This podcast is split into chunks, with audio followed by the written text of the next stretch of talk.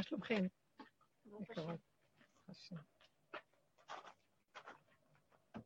עברו עלינו אה, שבועיים, יש לכם איזה משהו להתחיל איתו, שזה יהיה... השיעור הזה זה שלכן, והאחרות שומעות. אני יכולה לדבר לאחרות, ואתן תשמענה, השאלה מה אתן רוצות. זה עדיף, עדיף. יש את החמודה ששואלת כל הזמן, היא עוזרת. אתן שתקניות, אתן. נכון? ביישניות. מבינות הכל. לא, אנחנו פשוט בשבת. אה, אין לנו מה לחדש לעצמנו. זהו, השבת זה טוב, גם אני בשבת, אז זהו. באמת נכון שזאת התכלית בסוף של כל הדרך, להגיע לשבת. מה זה שבת? התכלית שלנו זה להשבית את צורת החיים, התודעה של, ה, של הכדור פה, שדרכה משתק, משתקפת אה, צורת החיים שלנו. עכשיו, למה צריך להשבית אותה?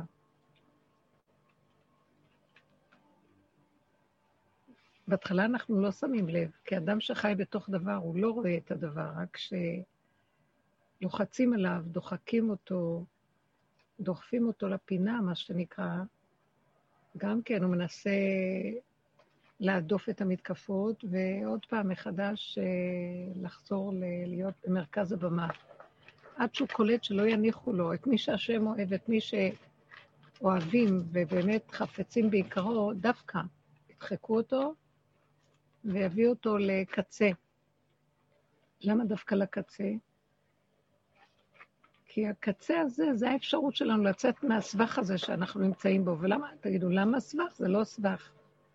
אבל בן אדם מתחיל לשים uh, תשומת ליבו על צורת חייו, שהוא, יש לו מצוקות. בייחוד שאנחנו אומרים, זה דור של נפש.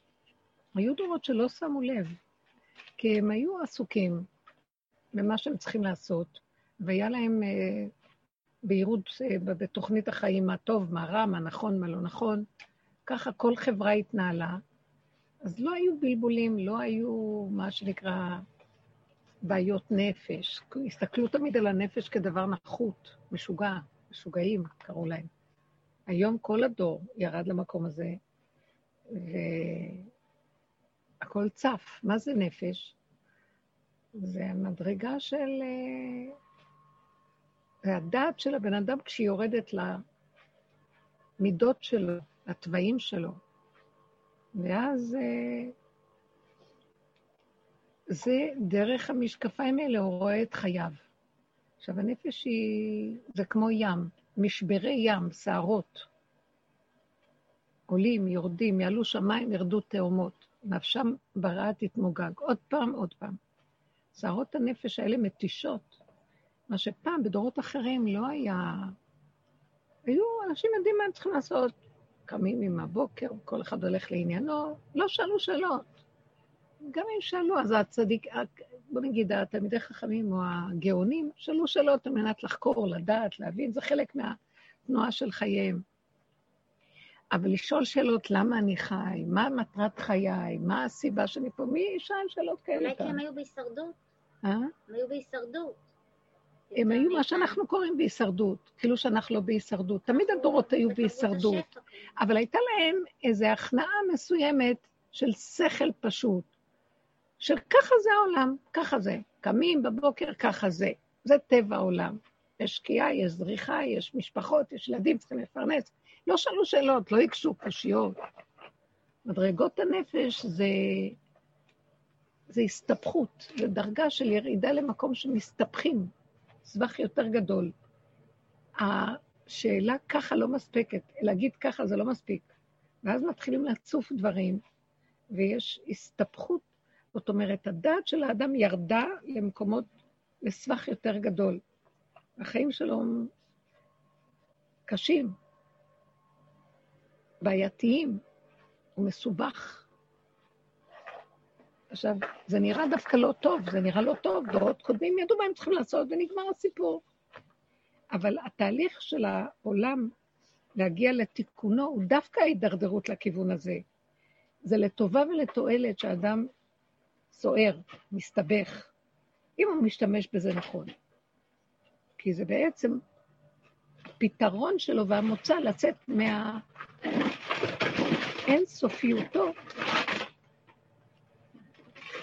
של השיממון של חייו. באמת, באמת, מה, בן אדם בא לאכול, לישון, לקום, עוד פעם לאכול, לישון, לפרנס, לקום.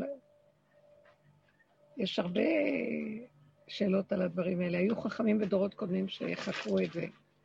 אבל היום כל הדור במקום הזה, כולם פילוסופים, כולם חוקרים, כולם יש להם, כולם, כולם מסתבכים. עכשיו, מה אנחנו עושים בדורות של נפש? או מסתבכים ונהיים חולים, או בורחים לכל מיני סיפוקים וריגושים כדי להשיב את הנפש. הנפש רוצה לחיות, לשמוח. אז אין לנו שמחה אמיתית, כי כל התוכנית הזאת היא מאוד שטחית. כמו שאמרנו, קמים בבוקר, קמים, עושים, פועלים, דור אחר דור אחר דור. לקראת הסוף, הדבר יתעצם וילך, הסבך, דווקא כדי שנשאל את השאלות, דווקא כדי שיהיה לנו מצוקות. המצוקות אמורות, הדחיקה הזאת לזוויות, אמור, לקצה, אמור להביא אותנו להתבונן. בעצם זה, אנחנו חיים בתודעה שאנחנו מדברים עליה בשיעור, שהיא נקראת, אנחנו קולטים, ואם לא היינו מדברים, לא היינו יודעים. בשיעורים אני מדברת, וזה נראה כאילו מוזר, מה, מאיפה את הבאת את הדיבורים האלה? באמת, יש לימוד שלם של זה בשיטת הארי ז"ל. וזה מהזוהר הקדוש, אבל הארי הסל זה שיטה ממש, שבעצם כל המציאות שלנו בקיום פה זה רק על ידי השבירה של חטא עץ הדת. ואם לא היה נשבר, אז היינו במציאות אחרת לגמרי, שכל אחר, חיים אחרים, חיים טובים, לא של, שאנחנו נשלטים על איזה מנגנון שהוא מכריח אותנו, שאובים לתוך מצב של מוכח, אלא היינו נהנים מהחיים ברמה אחרת, חיים ונושמים לתוך החיים. ו... מפיקים מהם את מלוא ההנאה והחיות והשמחה. אה, באמת באמת בלי לשאול שאלות. לא כמו כל הדורות שלא שאלו, אלא באמת בלי לשאול שאלות, כי אין שאלות. כי השאלה, יש בה את התשובה, והתשובה יש בשאלה, אז אין כלום, תכלס.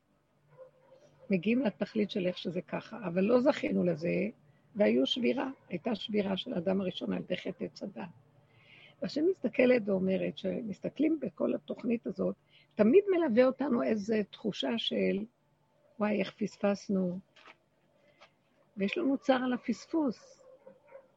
הפספוס הזה הוא לא רק פעם הוא אכל מעץ הדת. כל מערכת החיים שלנו היא פספוס. תחושה לאדם תמיד של פספוס. ברגע שיש לו איזה ניסיון והוא נופל, מרגיש פספוס, תפיסה של צער. זה נובע מחטא עץ הדת. למה? כי הוא תמיד שואף להיות במקום אחר מהמציאות שלו, איכשהו. הוא לא מודה במציאות שלו, שהוא שבור. אז הוא רוצה להיות במקום אחר. הוא רוצה להיות במקום של יכול, מצליח, משיג, שמח, וכן הלאה וכן הלאה. אז המציאות ההפוכה לזה, זה המוח של עץ הדת אומר לו, אתה הפוך, אתה בצער. אתה צריך להיות שמח. למה אתה בצער? הוא לא בצער והוא לא בשמחה והוא לא בכלום. המוח של עץ הדת יוצר לו את המצב הזה שהוא מפרש את מציאותו כהפך ממה שהוא צריך להיות.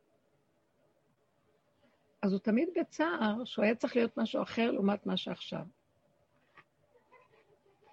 אז זה מין, אז הוא כל הזמן עמל להשתדל להיות משהו אחר שהוא לא עכשיו. וגם אם הוא עכשיו נראה לו שהוא השיג, אחרי רגע עוד פעם, זה תפספס לו והוא מרגיש, אוי, זה לא מספיק, צריך עוד קצת יותר. כי יבוא משהו שיראה לו שאולי השני יותר והשלישי, אז הוא צריך כל הזמן, הוא רוכש קוטב הימני לשמאלי, מאחורה קדימה, מעבר לעתיד וכן הלאה, אין לו קביעות והנאה ממה שהוא, איך שהוא. זה נקרא מציאות שבירה. כל הדורות היו במציאות של שבירה, מהאדם הראשון. עכשיו, זה לא התחיל רק מהאדם הראשון, מעניין מאוד. אמ-, אמרתי, וכבר דיברנו על זה הרבה פעמים, שכל הבריאה שלנו מושתתת משבירות קודמות של בריאות קודמות, שהיה קדוש ברוך הוא בורא עולמות ומחריבן. ואז הבריאות האלה של השבירות האלה ירדו לפה, על מנת שפה יתקנו אותם. אדם נברא בשלמות, לא בתודעת עץ הדעת, במקום שיכול לראות הכל ולתקן. הוא היה בחינת עולם התיקון לשבירות האלה.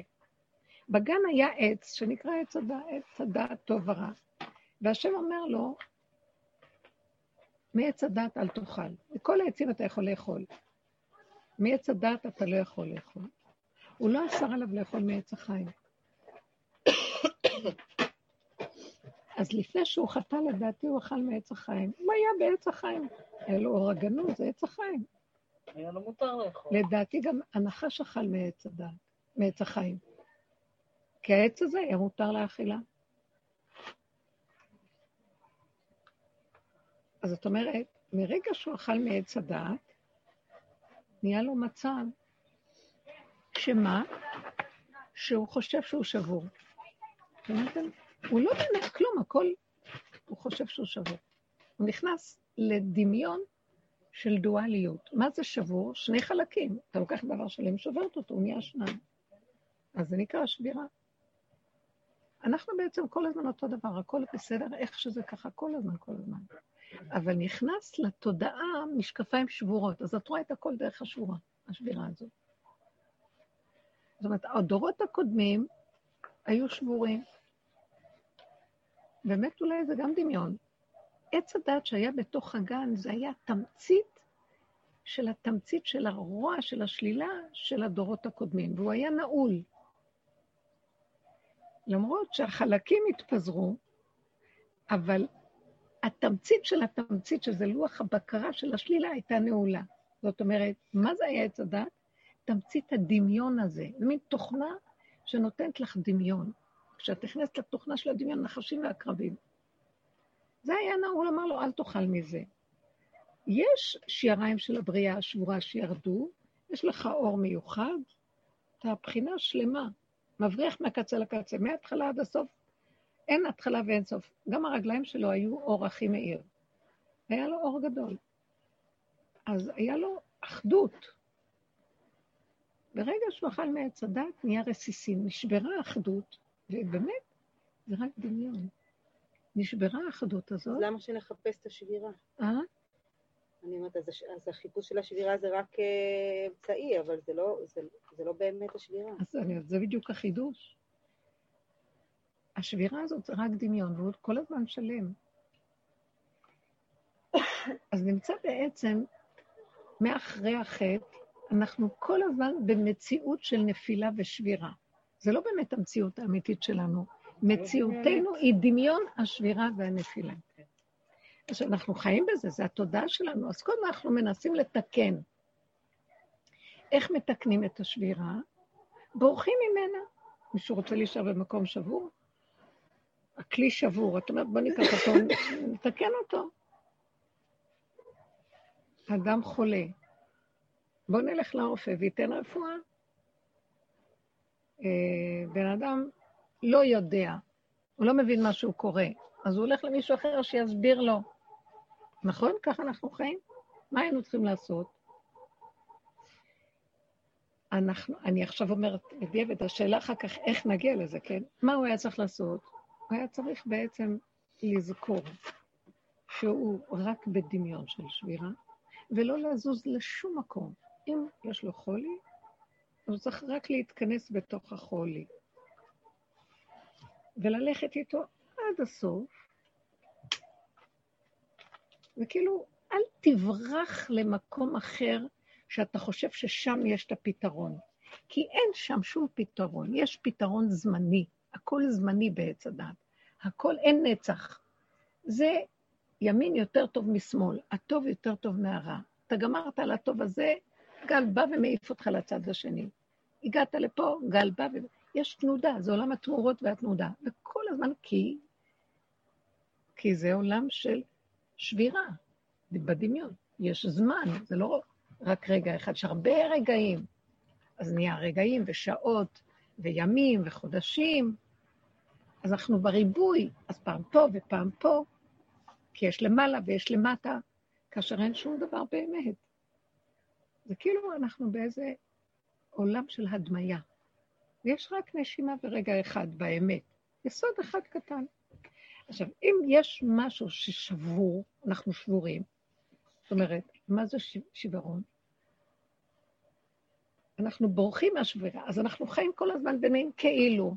הולכים לבלות, הולכים לטייל, הולכים ליהנות, הולכים זה, ואנחנו כאילו לא בשבירה. פתאום באמצע הדרך נשבר האוטו, פתאום באמצע זה, גשם אי אפשר לעצור, פתאום, אז זה נראה שבירה, לא? אז מה אנחנו צריכים לעשות? פתרון, מה לעשות? וכולנו סוערים, ומה לעשות, מה לעשות, מחפשים מה לעשות. כל התרבות הזאת היא רק כל הזמן מה לעשות, והמצאות שלה והכל הכל. אבל באמת, באמת, באמת, יש, אי אפשר לצאת מהסבך הזה, כי ממציאים דבר כדי לצאת מהסבך, יוצאים לרגע, אחר כך הסבך הזה עוד אורב לנו במקום אחר. אתם קולטות מה אני מדבר? וכל הזמן אנחנו בורחים מהדבר ואורב לנו. חינוך ילדים, חינוך, לקחנו קורסים, עשינו את זה, אה, כל הזמן נמצא הדברים האלה. זוגיות וכן הלאה. חיי משפחה, איפה לא ומה לא. למה שהאדם יעצור?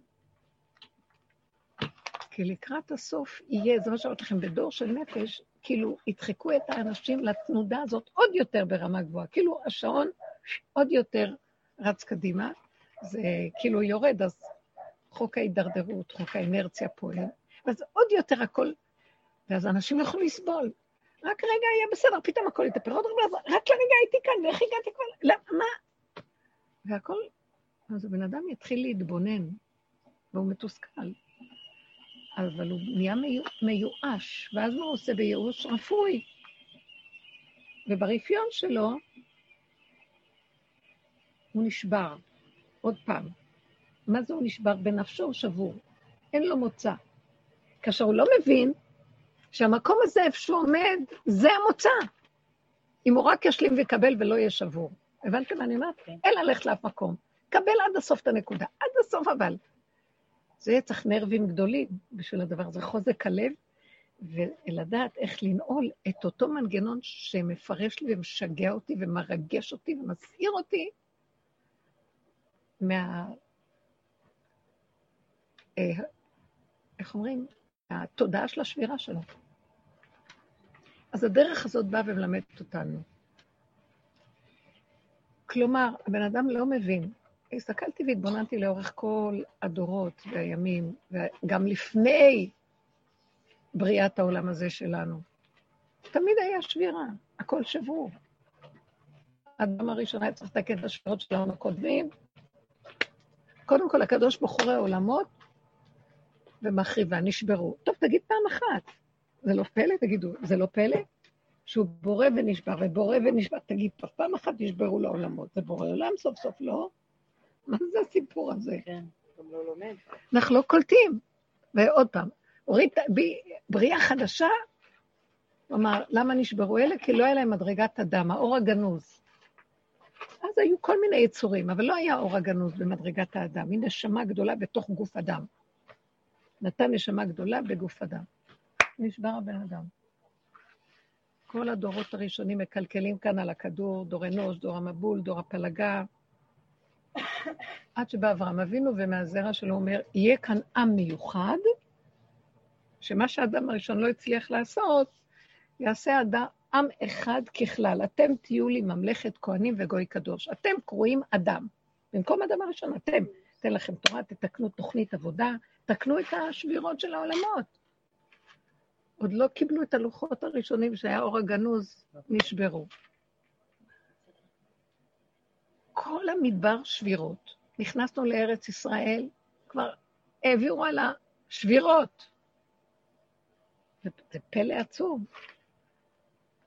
זורק אותם לגלות, חוזרים עוד פעם, נשברו עוד פעם, בית ראשון נשבר, בית שני נשבר. תקשיבו רגע. אז מה הוא רוצה? יאללה, בואו נחשוב ביחד. גדול עלינו. מה, אחד אתה... להפסיק להתרגש מהשבירות האלה. כאילו, כי השבירות האלה, אתם לא קולטים. עוד פעם, נו. עוד. פעם, עוד פעם, עוד פעם. מה הסיפור?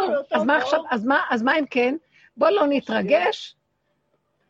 האדם לא יכול בתודעת הזאת, אז הוא לא מתרגש, אז נופל בייאוש. זאת אומרת, הוא נהיה, הוא נהיה אדיש, הוא נהיה אפאתי. כי בתת הכרה יש לו מצב של, אני מחפש מוצא ופתרון. אז מה זה השבירות האלה? די, נמאס לי טוב, אז הוא יושב ונמאס לו, אז מה? משהו גנוב לו, שאו שהוא יש לו פתרון או ייאוש. קשה לו למצוא איפה הנקודה של משהו חדש פה. יש איזה רמז מאוד יפה, זה לא רק רמז, זה... אה, אמרתי את זה בשיעורים, אני חוזרת על זה שוב, כי זה... הלימוד הזה הוא טוב, יש לי מסר בתוך זה, השם יזכה לי להגיד אותו, וכבר אמרנו אותו, אבל עוד פעם נדבר עליו ונחדד אותו. בסוף התורה, בפרשת זאת הברכה, מביא משה, אה, משה רבנו כתוב, בכל האותות, משה רבנו כותב, על, הוא כותב את התורה, לא, גם הוא כותב את הסוף שלה. אפילו שהוא כותב וימות משה, הוא כותב. הקדוש ברוך הוא מכתיב לו והוא כותב. אה, ולא, היה, ולא קם אה, נביא כמשה, אה, אשר ידעו השם פנים אל פנים, וכל האותות והמופתים, וזה אשר עשה במצרים, לעיני כל ישראל. רש"י כותב בשורות האחרונות של לעיני כל ישראל, מה הוא כותב? הוא כותב ששיבר את הלוחות לעיני כל ישראל. תגידו, וואי, זו שעה יפה, שנותנים לצדיק, לאור הגדול הזה, רבינו משה, אה, מחמאות כזה, מותר לקראת סופו של אדם, טוב, שיפרגנו לו. בא רש"י, במילים האחרונות של התורה, של הסיום, הפירוש לתורה שלו, לכל התורה הסיום, הוא מסיים, אה, ששיבר את הלוחות לעיני כל ישראל. זה לא יפה, למה אתה עכשיו... אה, משה רבנו, זה לא הייתה שעה קלה שהלוחות נשברו. משה רבנו שבר את הלוחות של האור הגנוז, של החיות האלוקית, שמראה שלמות. עכשיו נהיה, אתה מדבר על השבירה, מה הסיפור שלך פה? ואז הוא מביא את המדרש שאומר אה, אה, ריש לקיש, שהשם הודה כשהוא שבר את הלוחות בפרשת אה, יתרו, פרשת כי תישא, לא זוכרת איפה יתרו. אז הוא אומר לו, יישר כוחך ששיברת, אשר שיבר. משה, אשר שיבר. אז על המילה אשר, יש לקיש אה, אומר, יישר כוחך, הישר כוח, הוא מאשר את כוחו שהוא שיבר. זאת אומרת, הקדוש ברוך הוא נתן לו ככה, מה שנקרא, וי, טוב ששיברת. זה קדוש ברוך הוא של שבירות, זה טוב ששיברת. אני תופסת כאן נקודה מאוד מאוד עמוקה, אבל מעניין שמי שאמר את זה, זה ריש לקיש, שהוא היה ראש השודדים והפך להיות תן הגדול, בעל תשובה. שפגש אותו רבן יוחנן בן זכאי, וראה את הכוח שיש לו וזה, אז הוא אמר לו, אתה רק לתורה. יש שם סיפור שלם על זה, לא חשוב. הקיצר, הוא פשוט, הוא יכול להגיד שרק השבירה היא באמת נקודת האמת, בלי השבירה הכל דמיון. מה הוא רוצה להגיד לנו בעצם? אין לנו מה להבין כאן. מה שאנחנו לא עושים לצאת מהשבירה של החיים שלנו, מהמציאות, כל אחד בעניינים שלו. רגע אחד שמשהו לא הולך, סערה שפקדה אותו, משהו עם הילדים, משהו עם הכסף, עם החיות שלו, עם הקיום שלו, עם הזוגיות. החיים מלאים שבירות, צער, רוגז ומכאובים. בא ריש לקיש, אומר, אני הייתי ראש השודדים, עשיתי את כל העבירות שבעולם. איפה לא הייתי? הייתי שומע על איזה אישה בסוף העולמות, הייתי טס לשם. איפה לא הייתי? ובסוף הוא נהיה תנ"ך. ממה? מזה שראה אותו רבן יוחנן בן זכאי, שהוא רצה לעשות איזה פשע, אז הוא אמר לו, אתה בשביל התורה. זאת אומרת, עם האנרגיה הזאת שהוא הפעיל... זאת אומרת, הוא רוצה להגיד, הוא זה שפירש את זה. השבירה היא התכלית. רק ממנה צמחתי. אם אנחנו נכיר כאן את העיקרון הזה בכדור, אנחנו מפצחים את הקוד והולכים לתודעה חדשה. לא סתם שהשם מביא את זה כל הזמן, הוא מחכה מתי מישהו יפצח את זה. הוא אמר למשה רבנו, טוב ששיברת. הביא לוחות ראשונים נהדרים, וואי, איזה כיף. זה עוד הדמיון כאן. אז מה, אני אתחבק עם הדמיון, אנחנו יושבים על החיובי, ובאמת, זה אור גדול. זה לא נקרא אצל השם. תביאו לי מתוך החושך שאתם נמצאים את האור הגנוז. אני אביא לכם אותו מתנה. יש איזו ברכה שרואים, חכם מאומות העולם. יש כזה דבר שחוכמה בגויים תאמין. אז אנחנו אומרים, ברוך אתה השם אלוקינו מלך העולם, שנתן מחוכמתו לאומות העולם. כשאתה פוגש חכם יהודי, ברמה שאתה יכול להגיד חכם ארזים, אתה אומר, ברוך שחלק מחוכמתו ליראיו. פה הוא נותן ופה הוא חלק. אז לאומות העולם זה מתנות. לעם ישראל, תמותו. עד שלא תיקחו מהחלק את השלם, אתם לא מקבלים בחינם פה כלום. זה ההבדל. זאת אומרת, התכלית של כל השבירה, של כל המציאות של החיים שלנו, זה להבין שבדווקא זה המקום שממנו אנחנו יכולים לצאת מהשבירה. מהשבירה עצמה נצא מהשבירה, אם אנחנו לא נפרש את השבירה כשבירה. אם נקבל אותה ונשלים איתה. לכי עכשיו תגידי את זה לבני אדם. הלוא הקוד שלנו, קל לדבר. אנחנו מכווננים שמאוימים עד מוות מהשלילה, מהשבירה, כשלא הולך חלק, הבן אדם כל כולו רועד לו הרגליים והידיים. אין לו חיים. לך תגידי לו, שם זה נמצא, שם זה נמצא. כלום לא הולך, מה אתה מבלבל את המוח? אנשים היום, כולם שבורים, אתם לא מבינים. זה נראה מצב לא ברור, מתמשך, לא מתמשך, בינתיים אה, אנשים מאבדים המון כסף. אין, אה, תקשיבו, עסקים, אני לא רוצה להיכנס בזה בכלל. ואפילו אם יגידו חוזרים, לך תדע מה עורב עוד רגע אחרי כן. אם האדם לא יסגל לעצמו, וזה רק הדרך שלנו, שהוא לא חושב בכלל מה הם ולא הם, הוא חי את הנשימה שלו עם הרגע שלו, איך שהוא צולל לתוך הנקודה, מתחבר עם איך שזה ככה, וממשיך לפעול. יש עליו ענן שהוא, לא רואים אותו, הוא רואה ואינו נראה. כי הוא נכנס לתודעה אחרת. כי לא ייגמר הדבר הזה פה, אתם לא מבינים? לא ייגמר פה כל הסיפור. אז כל הניסיונות שבאים לנו זה לתפוס את הנקודה הזאת. מה אנחנו עושים? בורחים, כי אנחנו מאוימים מהשלילה עד מוות, מזה שאנחנו לא בהצלחה כפי מערכת הספרייה שלנו. אז בורחים, או ימינה או שמאלה, וחושבים שאנחנו איזה נחמה פורתא, עוד קצת קט הגלגל מתהפך, גלגל חוזר בעולם, הכל מתהפך וחוזר עוד פעם. נמצא שתבינו, אם אנחנו היינו רק מבינים את הנקודה, בעצם בכוונה שאדם אכל מעץ הדת, בכוונה שהעולמות נשברו, בכוונה שאדם אכל מעץ הדת, בכוונה תחילה שהלוחות נשברו, בכוונה תחילה, ועוד השם אורב למשה רבנו ואומר לו, יישר כוחך. זאת, זאת, זאת התוכנית, לא שקיבלנו. עכשיו, עץ הדת לא יכול להכיל את הדבר הזה. השבירה מאיימת עליו, כי הוא מחפש כל הזמן להיות כמו אלוקים, וייתן כאלוקים, זה הקוד שלו. לדמיונו אלוקים מושלם, בלי שבירות. בא אלוקים ואומר, אני אלוקים בלי שבירות? אם אני אלוקים זה רק מתוך השבירה. זאת אומרת, אם אני אלוקים שיש בו רק צד אחד, אז אני לא אלוקים, אלוקים מכיל את הכל. ולא רק שהוא מכיל את הכל, מתוך השלילה הוא יוצר את הדבר.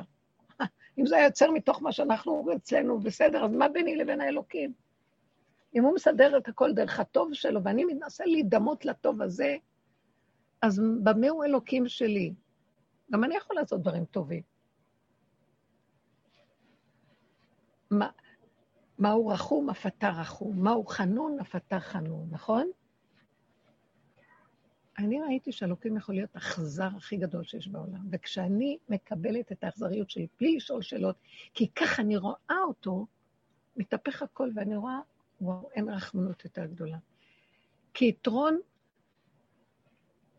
הרחמן שבא מההתאכזרות. הבנתם מה אני מדברת? כי יתרון האור שבא מן החושך, זה נקרא אלוקים. אם הוא בא מדבר אחד, אז זה טבע. זאת אומרת, שמה שהשם רוצה להביא אותנו במציאות של העולם זה באמת להיות כמו אלוקים, אבל לא כמו שעץ דת חושב, לא כמו שהנחש אומר, וייתם כאלוקים, השם הוא טוב. הוא אכל, הוא יודע איך לסדר. הוא אכל מעץ הדת, ואז מזה הוא סידר. מהטוב. הוא יודע את הטוב, הוא יתגבר על הרע. אנחנו כל החיים רק מנסים להתגבר על הלאו, הולכים על הטוב. לא נגמר. כי ברגע שאתה מתגבר על הרע, יש כזה מצב. אז מה הוא צריך להתגבר כאילו אתה שם? רגל על הרע, התקפיה. אחרי רגע אתה מתעייף, אחרי כמה, יום, יומיים מתעייף, אתה מרים קצת את הרגל, ההוא קופץ לך, ולא רק שהוא קופץ, הוא מקבל חיות. הוא מתפרנס מהמקום שלך. הוא שודד לך, אתה נותן לו כוח על ידי המלחמה, שמזה הוא יונק להתגבר עליך לגל חדש. וזה לא נגמר. אז מה הרעיון? זה לנצח את המנגנון? כי בכל... אז למה המנגנון? לפצח את המנגנון. איך מפצחים את המנגנון? בנקודה הכי שלילית שקורית לנו, שם אפשר לפצח אותו אם אנחנו לא נשברים, לא נגמרים, לא מפרשים, לא כלום, עומדים על עומדנו ומכילים את המצב איכשהו. בלי פרשנות, בלי משמעות, בלי שבירה, בלי בהלה, בלי רגש, בלי כלום, ככה וזהו. חולי. אדם כל הזמן רץ לחפש רפואות. תראו מה קורה עם הקורונה, זה בית משוגעים. אז שתבינו, יש פתרון לדבר הזה. הם, הם הורסים את מה שבכלל לא קיים. הם עושים מציאות ממה שלא קיים. וזה הופך להיות כל כך גדול, כדור שלג, מנסים לסדר אותו, ואין לו דובים ולא יער. יש נקודה אחת קטנה, שאם היינו רגע מכילים אותה, היא גם הייתה נעלמת. כי אנחנו, בוא תראה, חודרים לתוכה, בשביל זה צריך עבודה של מה שעשינו. שמהי העבודה? התודעה של עץ הדת היא, אנחנו כבר יודעים את זה, אני חוזרת ואומרת שוב, כי אנחנו כבר שנים עובדים שם, היא תודעה שמסעירה. היא לא נותנת לנו להיות מכווננים מדויקים בקו האמצע. היא, היא לא יודעת מה זה אמצע, הנחש לא יודע מה זה אמצע, הוא יודע, הוא מסתכל משני הצדדים של העיניים. הוא לא רואה נוכחה, הוא לא רואה נכחו שום דבר. הוא רק רואה מהצד. הנחש לא, וייתם כאלוקים, נחש לא יכול להכיל שמהשלילה יכול להיות אור. הוא לא יכול להכיל שמהחול יהיה ריפוי. הוא לא מבין את הדבר הזה. הוא לא יכול להבין שאם ניגע בנקודה עד הסוף ולא נזוז לאף מקום, משם כיתרון האור הבא מן החושך ואבן מה עשו הבונים הייתה לראש פינה. אין אצלו בהכרה הזאת. אז הוא תמיד מסעיר אותנו ומוליך אותנו, או ימינה או שמאלה. הוא לא יכול לתת לנו לעמוד רגע אחד. אין לו רגע, יש לו עבר ועתיד, אין לו הווה. אנחנו, אין לנו הווה. ההווה הוא הרף עין ונגמר. אז בסדר גמור, אבל אם הייתי נגמרת איתו וחוזרת להתחדש איתו, ונגמרת וחוזרת להתחדש, ברגע, עוד רגע, עוד רגע, בלי לצבור ספר זיכרונות וחשבונות של עבר ועתיד, אז הייתי במקום, הייתי משתמשת ברגע הנכון. אבל אנחנו ישר אומרים, אה, זה היה רגע ונגמר, זה כבר עבר. והיו כמה רגעים, זה כבר עבר ארוך. וככה אנחנו חיים, כי זו התודעה שמושכת אותנו למקום הזה. כאשר באמת, באמת, אם היינו רק חיים את הרגע של ההתחדשות, אבל למה כל דבר. להכניס אותו במנגנון הזה שהמנגנון לא נותן לו? איך? אז למה להכניס את האדם לתוך המנגנון הזה שהמנגנון לא נותן לו? אז, אז הוא במלכוד, הוא תחת מנגנון שלא נותן לו לה- להגיע למקום הזה, אז ולפצח אותו אי אפשר. כן אפשר. אי אפשר, אבל הדרך היא לא לפצח לא, אותו בנצחנות. אנחנו לא או יכולים ב- לפצח. אנחנו לא יכולים אנחנו לא יכולים לפצח. בזה. אבל מה לא כן האדם יכול לעשות? אדם לא יכול לעשות כלום. למעשה, מכל זה אנחנו צריכים רק להבין דבר אחד. אנחנו חושבים שאנחנו מציאות של אדם. הכל נעשה במילא. מה יראה לי, מה יעזור לי פה? שהתודעה, שהשם, שיש מה שנקרא כוח האנרציה של השתלשלות חזקה, שהשם מביא את האדם, דוחק אותו למצוקה הכי גדולה שלו, במקום שהוא ינסה להיחלץ, זה הוא עושה לו את זה. שיגיד, טוב. אנחנו צריכים להביא את הבני אדם להכרת התודעה הזאת, שהיא לא תודעה, קרב יום אשר הוא לא יום ולא לילה. לא אור השמש ולא אור הירח, אלא יש אור חדש. נכנס אור חדש פה, שהוא ייתן לנו את הכוח למקום הזה. אנחנו לא יכולים לפצח. אדם לא יכול, אבל יש סוג של אנשים, אני באמת נותנת קרדיט לעם ישראל, ולסוג אנשים יכול להיות גם חסידי אומות העולם שעובדים, שיש להם את ה... עברו את הסבל, עברו, בייחוד עם ישראל שעבר הרבה סבל, כי צריך בשביל זה מה שנקרא כוח הכלה. יותר מדי אנחנו סבלנו. אז או שנתייאש ונמות, או שמזה נגיע לנקודה של די אמיתי. ואז יתגלה, החוכ... החוכמה הזאת. אז מה שעשינו בעבודה שלנו זה, זה עבודה של רב אושר, זה הדרך שאנחנו עובדים. אמרנו את, ה... את העיקרון, שכל העולם מסביב, שזה תודעת עץ הדת, זאת אומרת, התודעה של גירוי תגובה, גירוי תגובה, גירוי תגובה, הוא רק סיבה לא להגיב, אלא להפנים לרגע, לתת נקודת איפוק ולהיכנס פנימה. זה מאוד קשה לבן אדם. מישהו מעליב אותו. הוא מאוד מאוים, שהתדמית שלו מתרסקת לו. מה יגידו עליו, איך הוא נחשב בעיני עצמו. אז הוא עונה כדי לסדר את ההידורים ולהשיב את נפשו למקומה. הוא משחק בדמיונות. אם הוא היה רגע מתאפק, בני אדם לא מוכן לתת את הרגע הזה, רב אושר אומר, אלף, איפוק אחד שווה אלף צומות. אלף צומות לא יהיו שווים לאיפוק אחד. האיפוק הזה של היכולת הכלה. עכשיו, זה, מתרגלים את זה במוח, אבל אחרי כמה זמן באמת כבר כל כך תשושים, שכבר לבד זה יכול לקרות. תשש כוח הסבל ואין כוח לריב, אין כוח להתווכח, אין כוח לנצח, אין כוח.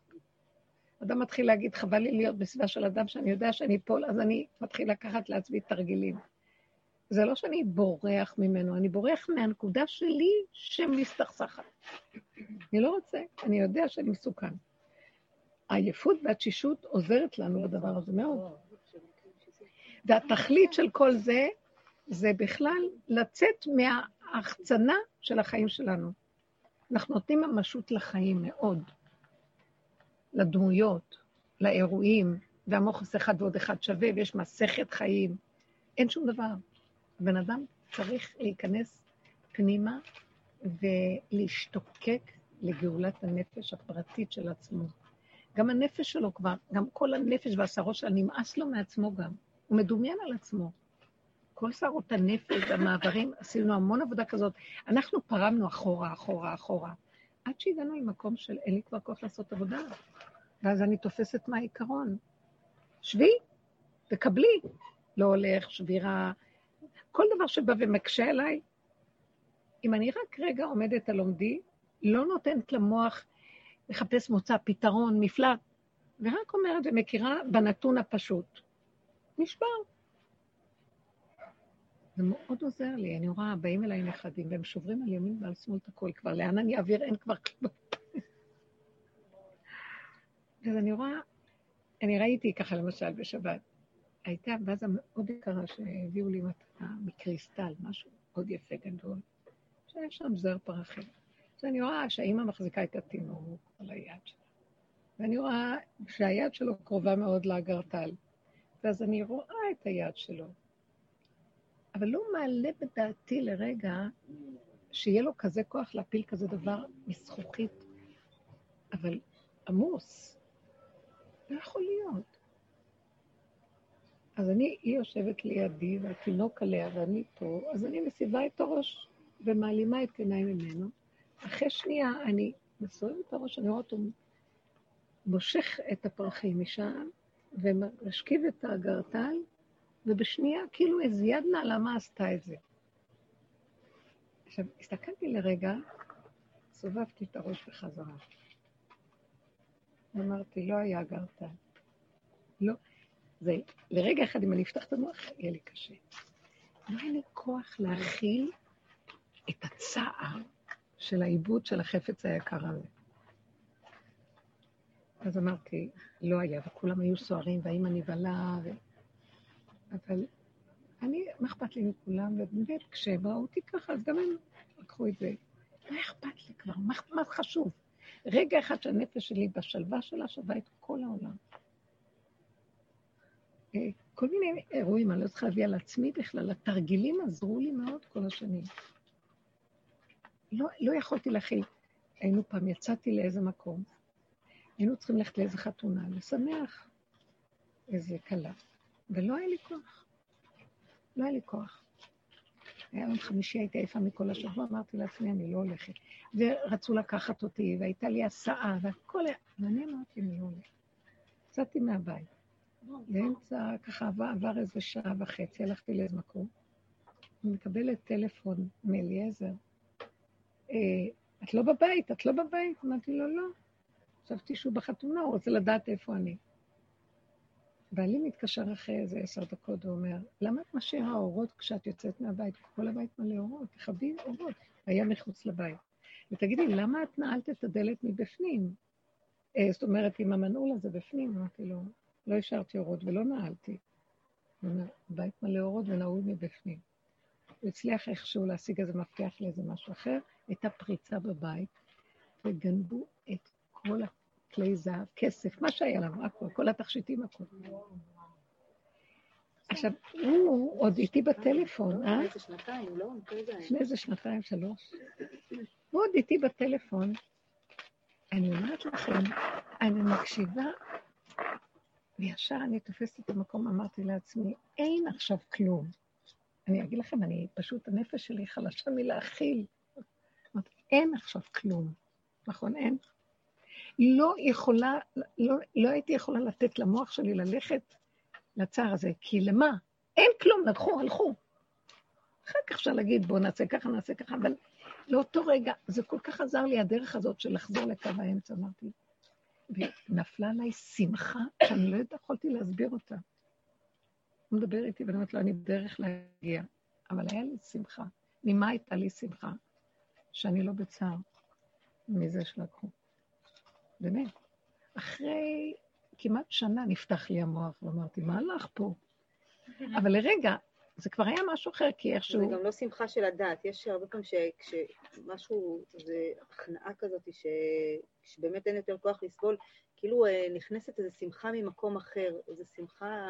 זה, זה, לא, זה, לא הבן, ב... זה לא אני, אין אני, זה לא השם, נכנס האור הזה שאנחנו מדברים עליו, תודה אחרת, שהיא אומרת, כלום אין פה, ברגע יש מלא כסף וזה, ברגע אין כלום, מה יש לך פה? משהו אין לך, זה תודעה משמחת. האחיזה הזאת שאנחנו אחוזים בחפצים בדברים, אם יש, אם אין, הנפש שלנו, אנחנו בסבל נורא ואיום. שחררי אחיזות, בא הולך, הולך ובא, כלום לא שלך. לא היה ולא נברא. גם אם נמות, רגע אחד ונגמר הסיפור. כמה בני אדם מתים מפחד מהמוות, או מהחולי או מה לא. יש רגע אחד, ואין יותר כלום. אם היינו ממקדים את התודעה ברגע האחד הזה. עכשיו, מה שבא לי, אחרי שהיה לי שמחה מאוד גדולה, היה לי צער אחד קטן. שאולי לא הלכתי לשמח את הכלה, אז אולי הענישו אותי. אתם רואים איך הוא בא לי פתאום באיזה זווית הפוכה? הוא חייב להכניס אותי בצער, הוא לא יוותר. אז הצדקות קמה לי, נענשת. ואחרי רגע אמרתי, אני לא מסוגלת לחשוב יותר ככה. כי ככה זה וזהו זה. אתה נתת רשות לבחירה, זו הייתה הבחירה שלי, לא יכולתי אחרת, תעשה מה שאתה רוצה. שיהיה כפרה, הכל בסדר. אין לי כוח לחשבונאות, אין לי כוח לדין, אין לי כוח לכלום. ככה וזהו, תעשה מה שאתה רוצה. אה, אם נתת לי את היכולת לבחור בזה, וזה שמחתי בבחירה שלי ולא רציתי לכלום, למה אתה מכה אותי? אז לא שאלתי את השאלה. לתודעה שאלתי, לא שאלתי את השם, אנחנו חושבים שאני שואלת את השם, את הבחירה, מה? הבחירה היא נהייתה מרגע שנשבר, שאנחנו מציאות של שבירה, אז תמיד יש שתיים, אז יש בחירה. בחירה, אם יש דבר אחד, אין בחירה. כי בחירה זה שיש שני דברים שהם הפוכים זה לזה. לך תבחר ביניהם. וכשאין לך בהירות ביניהם, איזה צער זה. אם זה קו חלק, נגמר הסיפור. הבן אדם צריך להגיע לתכלית שנמאס לו לסבול. אתם לא מבינים? אנחנו מחבקים את הסבל והיגון והנחה, מצדיקים אותה, מטפחים אותה, ורובד על רובד על רובד, וככה נראים החיים שלנו. בסוף פורצים לנו כל מיני מחלות וכל מיני שערות. לשחרר, לשחרר, לפרק, לפרק. אין כלום, יש נשימה ולא שום דבר. כלום לא שלי, כלום, כלום. כלום לא שלנו. היה איזה צדיק אחד ש... שהייתה לו בת לא בסדר, שהייתה עושה דברים לא... השכל שלה זז. כל הזמן הייתה בורחת להם ועושה להם כל מיני דברים. ערב שבת אחד הוא מקדש, מחזיק את הכוס קידוש ומקדש, ובא הבן שלו ולוחש לו באוזן שהבת קפצה מהגב. זהו, הלכה. אז הוא מחזיק את הכוס קידוש, וממשיך לקדש כאילו כלום לא קרה. כי בשבת אסור להתאבל. היה באמצע, באמצע הברכה. זהו. למה בשבת, זה, בוא נגיד, הוא קיים את ההלכה. מה זה שבת? שבת זה התודעה החדשה. שבת זה התודעה של האור העליון, יורד באמצע ששת ימי השבוע של האיסורים והכאבים. מהי התודעה הזאת? מה ההלכה? לא מצטערים בשבת. גם לא מתקנים. לא מתקנים, אין תיקון. המוח לא... אין, החולי, אומרים, רפואה קרובה לבוא. הוא קופץ, אבל האור של. שבת, יש לו את הכוח הזה בשבת, אה, שסוגר את המוח, זהו, במקום אחר בשבת. שבת. כזה זאת אומרת, אנחנו זה בתודעת. עץ הדת, אבל יש לנו הלכות שאנחנו צריכים. לשחק אותה כאילו אנחנו בשבת. אנחנו לא באמת בשבת. מהסגולה של היום הזה.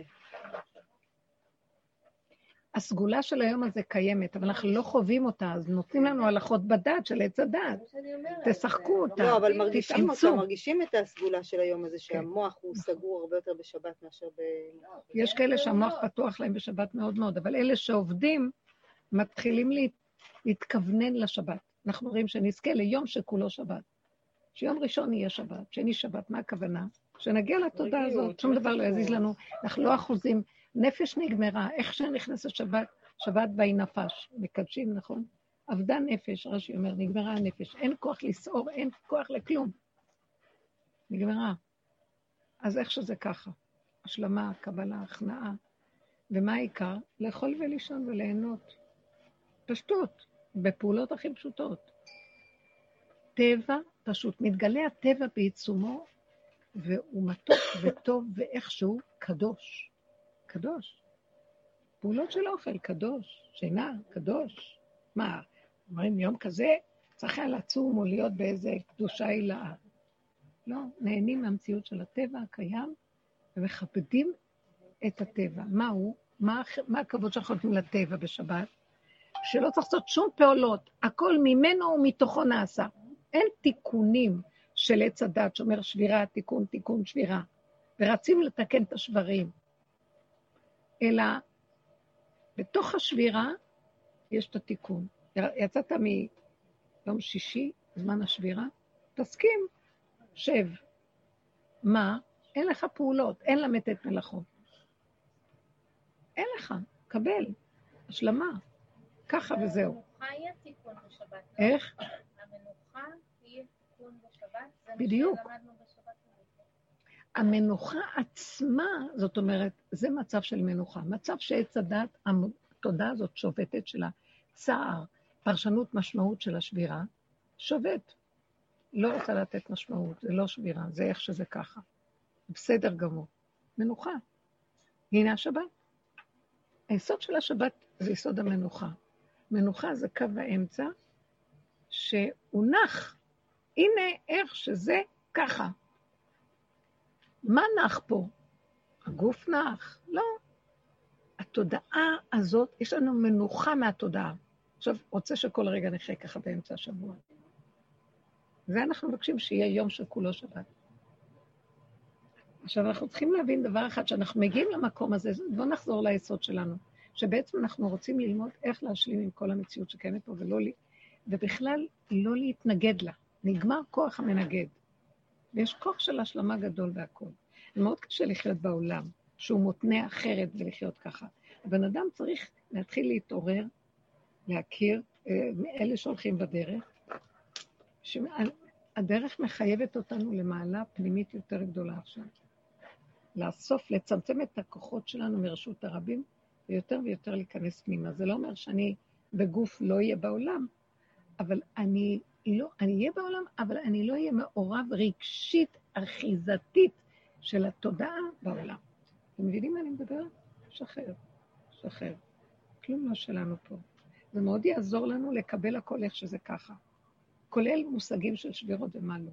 כי ככה זה וזהו זה.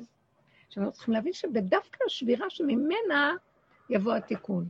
כי על ידי זה שמשלימים עם השבירה, מתגלה הכוח האלוקי ומהפך את הדבר. אני לא יכולה להפך. תודעת עץ הדת לא יכולה להפך. השבירה, אם אני מקבלת אותה, חולי, עצר, כל דבר של... אם מקבלים אותה ולא נסערים, תקשיבו, זה כאילו להיות במקום של כזה חוזק של... אה, אין מוח. אם אין מוח, אז אין פרשנות. אז מה אכפת לך אם הכוס כזאת או כזאת או נשברה או מה? כוס אחרת. הצער המתלווה לכל דבר, המשמעות, הפרשנות שלי, ההסברים, ההתרגשות, זה הנפש, שתלך, אין לי כוח אליה. עבדנו עליה הרבה הרבה, פירקנו אותה לרסיסים. לא מוכנה להתרגש מכלום, אני מתחננת לבוא עולם, שייתן לי את המקום הזה של הריכוז והמיקודיות של כאן ועכשיו. לא שווה להתרגז. כי אין, נגיד, כוח אה? גם, אין כוח, כי זה בזבוז כל זה כך מאוד הרבה עוזר. כשאין כוח, זה, כל המח... החולשה שמביא לעולם זה כדי להביא אותנו למקום הזה. אבל אנשים נאנקים מהחולשה ומחפשים איך אה, לחזק את הכוחות. אנחנו צריכים לפרק את הכוחות ולהישאר בפשטות הקיומית. הפשטות הקיומית מאליה מחזקת אותנו, מבפנים מתחזקים, ולא חסר דבר. כוח הצומח הוא המחזק. אפשר לאכול מעט מאוד ול- ולא להצטרך הרבה. המוח הוא זה שנותן לנו את הריבוי של האכילות וה... המקום שלנו בעצם, אם אנחנו מגיעים לאותה נקודת מנוחה, מתוכנו צומח כוח שהוא בעצם היסוד האלוקי שבאדם, השכינה שבאדם. וממנו אנחנו מקבלים את הכוח. כבר לא צריך לרוץ, לשאול, לבקש, לדבר, להסביר, לקבל מבחוץ. ושזה תמיד מותנה. לא נעים לי, כן נעים לי, ו... אלא משהו מבפנים ואינו תלוי בכלום. כאילו כוח השכינה שבאדם, האלוקות שבתוך האדם, על כי אין אלוקיי בקרבי מצאוני כל הרעות האלה. הכוח של החיות האלוקית הפנימית שנמצאת באדם, היא החיות של הדרך שנמצאת איתנו, משהו מזין ומפרנס אותה מבפנים, והיא מובילה אותנו לשלב הבא עכשיו, ממש, שחייבים לפרק את התודעה הקודמת. גם בעבודה כבר, עבודה גם יכולה להיגמר לנו. אני רוצה לשמוע אתכם, מה, מה זה עבודה נגמרת לנו? כי כל אחד נמצא פה במקום, בדרגה אחרת. מה זה עבודה נגמרת? העבודה, עמל והיגיעה של, עבודה בעיניים. עבודה של להתאמץ. להשיג משהו בנפש, להשיג מדרגה של עבודה. אני מדברת כבר על הסוף, שממנו אנחנו מתחילים, מתחיל להפציע משהו חדש מבפנים. והוא רוצה לבוא ולעזור לנו. הטבע איכשהו ככה. יש בו אלוקות מדהימה, אבל עץ הדת לא נותן לנו לראות את זה, הוא מבריח אותנו משם. ואנחנו מסתכלים על העולם כאילו, מה, מה, מה? זה פשוט, זה, מה יש בזה? זה זה. וזה הכי, חש... הכי גדול שבעולם. תמיד נראה לנו, מה כבר, מה יש פה? אני מבקשת משהו, מסתכלת על משהו, אז נהיה לי במרירות, מה, רק זה? אז אין יותר מזה כלום, וזה הכי טוב, הכי גדול שיש בעולם. הכי יפה, לרגע הזה. אני רוצה לשמוע מכם. שלא ייבקע איזה קול מפה פתאום. תגידי משהו. אני, אני רואה שהמוח שלי, אבל הוא כל כך... האחרון, אני דווקא, יצא לי לחוות כמה פעמים את הדבר הזה ש... שבה חוכמה, שהיא לא מהשכל שלי, יורד עליי השראה כזאתי, ואז ברגע אחד אני יכולה לכתוב תוכנית לימודים לשנה, או יש לי רעיון בדיוק מה אני צריכה לעשות מחר עם התלמיד המסוים, כן? לא משנה. אני יודעת את זה, ועדיין המוח שלי הכפייתי, הוא כל הזמן, בכל זאת, יבזבז לי שעות על, אה, על למה את כפייתיות נותנת של לו? די. חשיבה. תמי, את המון שנים-. שנים בשיעורים, למה את נותנת זה, לו? זה יפה זה שאני כבר מצליחה לחוות את הפעמים האלה. ההבזקים החדשים. שייתן לך כוח, זה היה לי כמה פעמים, אפילו היום בבוקר. חיזוקים. אתמול בערב הייתי צריכה להכין להיום איזשהו שיעור, ואמרתי, אני צריכה, ולא, ובסוף ישבתי עם הבן שלי לעשות משהו אחר וזה, והלכתי לישון, ולא עשיתי. אמרתי, אני אקום בבוקר ונראה. וקמתי בבוקר, פתחתי איזה ספר וזה, טאק, ישר הגיע מה אני צריכה לעשות, היה ברור, וזהו. ברגע אחד. ככה זה ש- צריך להיות. וכך, ולכן אני היום יכולה להגיד שאני יודעת שזה קיים, הדבר הזה. בלי שאני אחפור, בלי שאני זה לבד קורה מאליו. זה יקרה. אבל עדיין, רוב הזמן הוא חופר לי. למה הוא מלא- חופר? בוא נח... בוא נח... כי גם למה קיבלת את זה? כי השלמת שאת הולכת לישון שלא עשית כלום, כן. לא היה לך אה, ביקורת עצמית, לא כלום. הלכת לישון ככה בבוקר, קמת עם אותו קו, ותראי מאליו יצא הדבר. מה זה העניין של חופר? מוח חופר. תקשיבו, המ- המון תרגילים היום, ואנחנו צריכים להתעקש, כי יש גם עזרה מאוד גדולה. עכשיו נפתח איזה רקיע, חלון, הזדמנות גדול מאוד, שאומר לנו לסגור את המוח, ובאמת הוא נסגר. יש משהו שעוזר לנו מאוד אבל מאוד. אני, אני גם אומרת... אז להשתמש בזה, ולא לתת לו להתחון, להפסיק לו את התחינה, להפריע לו, יש להפריע לו. גם עוד איזה מקום שיש את התכונה שהיא כאילו השלילית שלנו. למשל, אני מרגישה שהמרדות שלי זה כאילו תכונה שלילית. מרדות כלפי אלוהים, מרדות כלפי בוסים, כלפי עולם, כלפי... זה לא מתאים, כאילו... אני לא. מסכימה עם מה שקורה, כן? כאילו... יוצאת על זה. אני חושבת, המרדות הזאת, היא גם, יש לה יתרון שהיא מופנית הפוך כלפי העולם או כלפי החוץ. כי יש בדבר הזה, להשתמש במרדות הזאת כלפי עץ הדעת שלי, כלפי ה, המקום הזה ש... נכון, יפה, תשתמשי בה. רוצה. אז עוד- דומה בדומה, מתקן. אותו כוח עצמו, תפני הכוח אותו. עצמו פשוט להפוך אותו. וזה- תתמרדי עליו. זה קורה אחרי שניסיתי למרוד בחוץ ובעולם ובאלוהים ובכל מיני... זה לא, זה פשוט, זה, זה מכלה, זה פשוט מכלה. רק יש גם נקודה אחת גדולה מאוד, יפה, זה חלק מהתהליך של העבודה, להשתמש דווקא בו, אה, למרוד באותו כוח טיפש, כמו שהיא נותנת לך. לא רוצה, לא רוצה שתחפור לי, לך, אני כועסת עליו, אני הלא מורדת, אבל המרדות, בשורש שלה תחזור פעם. תגידי לו, מחר הוא יחזור עוד פעם, תריבי איתו. המרדן הוא גם, רע- הוא יוצר כוח לצד הנגדי להתנגד לו גם. אז יש, עכשיו הנקודה היא שלנו, שדיברנו עליה, קחי את שורש המרדות, כנסי בו, תיכנסי במרדות שלך, ובמקום להוציא אותה החוצה על משהו, אם זה על הממסד הזה או אחר, או על ממסד של מנגנון עץ הדעת, ואל תצאי לשום מקום, רק תכי, תכירי שאת מרדנית, שיש בך כוח שמתנגד ומורד. תקבלי, תסכימי, תתקללי בו. זה מין עכשיו אנחנו צריכים לעבוד פנימה. קחו את התודעה, שימו את ה... אם יש לנו איזו תודעה, במקום שהיא תהיה מופננת, אני נלחמת בעצמי, מעצמי לעצמי, לא רוצה להילחם. קבלו את הפגם, את השלילה, את הכל, את המציאות שלכם, את המרדות. כי עדיין יש בה רצון לתיקון. אם הוא מופנית כלפי המוח של עץ הדת, אז יש בה רצון לתקן את בדיוק. כי באופן טבעי היא תלך מפה, אז יותר טוב באמת שהיא תתמרד אליו, תתמרד לאנשים, כי כאן היא הולכת לשורש של המרדות, לשורש החיצוני של המרדות, אבל גם זה. במקום לריב עם כל מיני, קחי את הבוס. עכשיו, גם הבוס הזה הוא שקרן.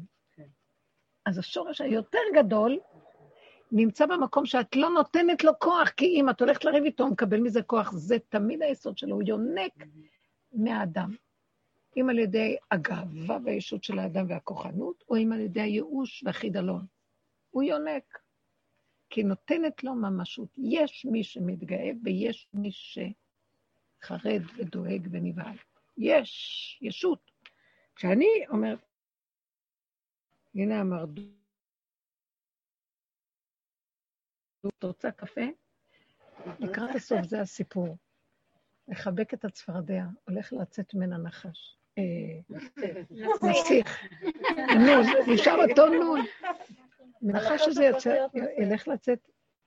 אתם לא מבינים שכל המציאות של עץ הדעת והכל, בתוכו יש עץ החיים.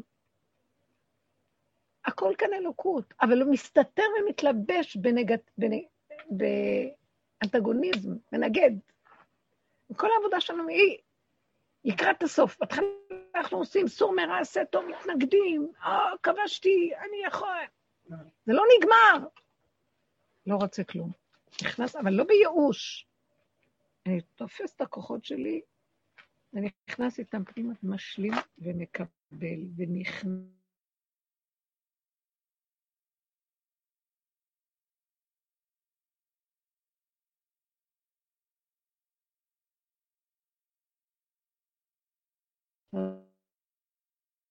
גרעין, זה נכון, זה הנסיך. זה מאוד קשה, קל לי לדבר זה תרגול של לאט, לאט, לאט, עד שאנחנו מגיעים עכשיו לשורש האחרון שלו, כאשר במילא כבר כוחות אין. אז תראו את כל העזרה נתנו לנו, אנחנו כבר בסוף. מלמטה כבר כוח עין. והכל נראה דבילי, מה שאת לא עושה, חבל לך לעשות כלום. כבר כולם מתחילים לראות. אפילו אם יפתחו את העולם ויגידו, בואו תחזרו לעולם, אנשים אין כבר כוח לחזור גם. נכנסנו למין רפיון כזה, שפתאום נראה לנו לא רע, לא רע, בעצם אכפת לנו? נשב קצת שבס, שבת. המקום הזה הוא נפלא. ואם אני יודע להכיל אותו, הנה זה מה שאמר רש"י בסוף, סוף התורה. תכלית של הכל, של הסוף, להשלים עם השבירה, וההפך, יישר כוח, שיש יישר כוח למרדות, כי מהמרדות מתגלה הכוח של הנכנעות הכי גדולה שיש בעולם. בורא עולם מתגלה, הוא אומר לך, אני השם לא שניתי, אני המרדן, אני גם הנכנע, אני הכל בתוככם. אתם חושבים שזה אתם, אתם לא קיימים אפילו, זה רק דמיון הקיימות שלכם. אז נתתי לכם משחק מאוד קשה לצאת מהסבך, זה משחק מזימה מאוד נעלמה. זה הכניס אותנו למבוך, וקשה לך למצוא איפה... איפה את מסתבכת במבוך, כאשר בעצם בסוף נגיד, למה בכלל זזנו מהמקום? שמה זה הפתח. אין לאן ללכת. יש איזה חוט קטן שאת רק מושכת אותו מפה, נתיב עית לא ידעו. ואת יוצאת משם ונגמר. זה פלא נוראי. מתוכו, ממנו, מיני ובי, מתוכו ממש הכל. אתם יודעים איזה גאוניות זאת? חכם הרזים, מי סידר את הבריאה הזאת? בעצם אין כלום, ומהנקודה הזאת הקטנה. עכשיו, בואו ניקח את זה ביום-יום שלנו, ונחיה ככה בתרגולים הקטנים. אתם יודעים, יש ילדים, יש עניינים. החיים, לא לתת כוח וממשות לכוח המנגד. עכשיו, בא המוח קופץ, נותן לך פרשנות. במוח. אחר כך הוא נותן התרגשות לפרשנות. אחר כך הגוף שלך לא רגוע. בואו, הדבר הראשון זה לבטל את הפרשנות במוח. תסיכי את הדעת למשהו אחר, תעשי משהו. מחזירים אותך לנקודה, תכנסי בנקודה. רב אושר היה לו המון התקפי לב, או כל מיני חולאים שהוא עבר. הוא יצא מכולם. הוא לא הלך לרופאים. יכול להיות שהגבאים שלו אמרו לו מדי פעם, קח פה כדור, שם, הביאו לו איזה, אבל הוא לא רצה. באמצע ההתקף הוא היה נכנס לתוך המציאות של עצמו. פעם אמר לי הגבאי איך הוא היה עובד. נכנס, נכנס, נכנס, נכנס, ומתחנן לנפשו, בינו לבין עצמו, אפילו בלי מילים, איך אפשר לדבר כשיש תעוקת הלב, השם ישמור ויציל, אין נשימה, אין אוויר. באותו רגע, עם הקצוות של השיריים, של החיות שלו, אז הוא, הוא יוצר תפילה. מה יצא לך מזה אם אני אתפרק, יגנוב אותי עכשיו הדבר הזה? אני יודע ששלחת את זה כי אתה רוצה אותי בריכוזיות לחבר את זה בדיבור אליך. אתה בשנייה מתגלה ומסדר את הכל. בשנייה אתה יכול להפך את הכל. אתה יסוד המהפך, למה שאני אמות? אני יכול לעשות לפניך הרבה דברים בעולם. בן אדם צריך לדבר, להגיד, לשכנע לטובתו. איך? איך הוא לא נבהל, מדהים. איך? היכולת לא להיבהל במקום כזה. זה הנקודה של החוזק של המוח. צריך להיות לנו מוח חזק. אבל הוא בא קודם ורוצה להסיר אותנו, הנפש. אל תיתנו לה מקום. אל תאמינו לעצמכם השערות של הנפש כבר. די, אין כלום, זה דמיונות. זה דמיונות. תזכירי לי על המשקפיים, שאני לא אשכח. אני חושבת שהם בתיק שלי, משקפיים של הכתפיים שלי. שאמרתי לך, תזכירי לי. זאת אומרת, המקום הזה, בואו בוא קצת, בואו, חוזק הלב, הפנמה, ריכוזיות. האדם הזה, שהוא חי במוח שלו והרגליים אה, רצות אחרי הראש שלו, זה קשה לעשות את התרגילים האלה, אבל הבן אדם שלוקח את המוח ומוריד אותם לרגליים, מוריד את המוח לרגליים, הוא יכול יותר. מבינים מה אני מדבר? כי המוח מתפזר החוצה, הוא יסוד האוויר, הוא גדול, לכי תעצרי אותו. ואין סופיות של אוויר ומחשבות ואפשרויות. לבטל את הכל, לחזור לנשימה, לחזור לכאן ועכשיו, להיות עכשוויים והם מכווננים וחזקים. אין אף אחד. באמת, אני אומרת שהדרך הזאת הביאה אותי למקום שאני מגיעה למקום, תקשיבו, זה ממש הפוך ממה שנדמה לנו. אני מתנתקת מאנשים, אין לי כוח. אין לי כוח להיות קשורה עם אנשים שהם רחוקים מהיסוד של הדרך, כי הם משפיעים עליי ואין לי כוח. ואני בטבעי מאוד אוהבת אנשים, ואני קשורה, ויש לי צד שגם בתפ... באישיות, שככה הטבע שלה, אני גם תמיד קשורה עם אנשים. זה לעזור, זה לדבר, זה להסביר, זה תמיד בהוראה, בכל... אבל הגעתי לאיזה מקום שהדרך הזאת מביאה אותי, שתקשיבי, יש מקומות שאת לא יכולה לעזור לתקן. אז איפה שלא, את לא מתבדלת מבני אדם או מתאכזרת, את פשוט לא מתרגשת יותר ומגיבה. בוא נרצה, בוא נעזור, בוא... יש לי קרובי משפחה, ממש קרובים, אה, אחים, אחות, אחים, שאני באיזשהו מקום, הם בראש אחר, נגיד. אפילו מישהו קרוב ונראה לי שכמו ש... אבל הגעתי למקום שאין לי סבלנות אפילו אה, אה, יש לי אח אחד מאוד חכם ויודע המון, ואנחנו גם היינו שעות מדברים. נגמר לי הכוח לדבר, כי אני הגעתי לצמצום של הרגע, ואני גם חיה את הסכנה שאין לי כוח לאבד את, כבר, את הכוחות שכבר אין לי על כל מיני אפשרויות ורעיונות ודברים. הכל מרוקד כאן ועכשיו פנימה. עכשיו הוא מרים טלפון, הוא אומר לי, מזמן לא התקשרת אליי. למה? כי הוא מדברת איתי. אמרתי לו, אני לא יכולה בטלפון, לא שומעת באוזן אחת. אה, אבל להקשיב לאחרים את שעות מקשיבה, מה איתי?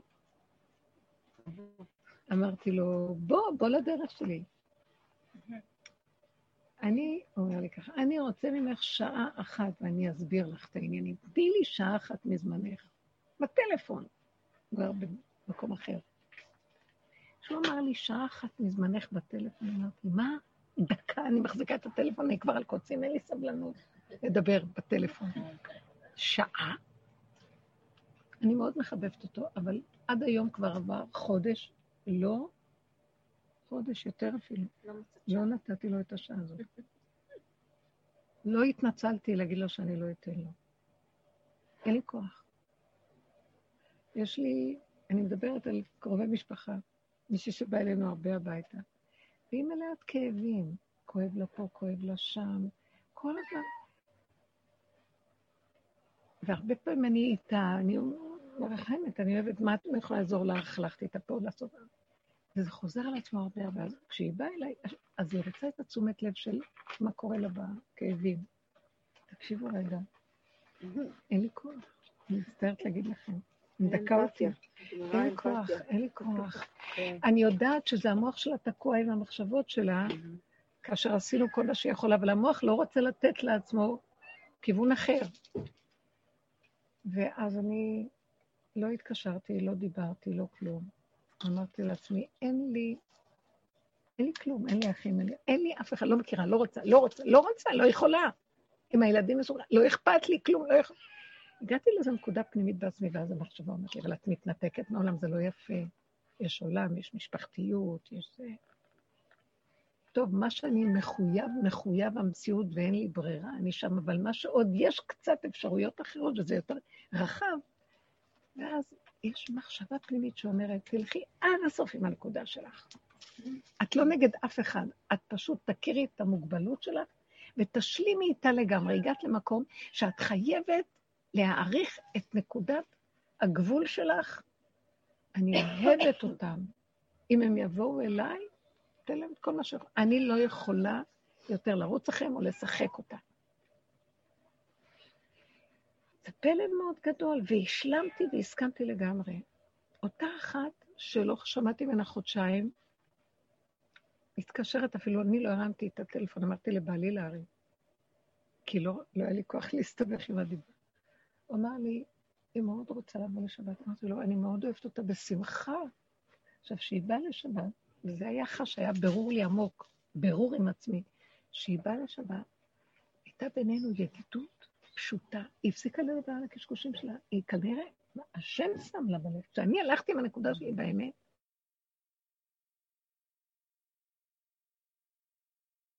אה, בואי תאכלי את. נתתי לה כבוד, אהבה, חיבה, מה לא? אני לא יכולה לשמוע את הכאב שלך, שמעת אותי? לא יכולה, אל תתחילי איתי, אין לי כוח. תעזבי אותי, אני לא יכולה יותר. תקשיבו, זה לא נראה אנושי. אני לא אנושית, השלמתי את זה. אין לי כוח לאנושיות הזאת, נגמרה לי. הרחמנות נגמרה לי כבר, העולם משוגע. אני לא יכולה, אני, אני לא אעזור לו, אבל הוא גם ייקח אותי למקום שלו, ואין לי כבר יותר כוח.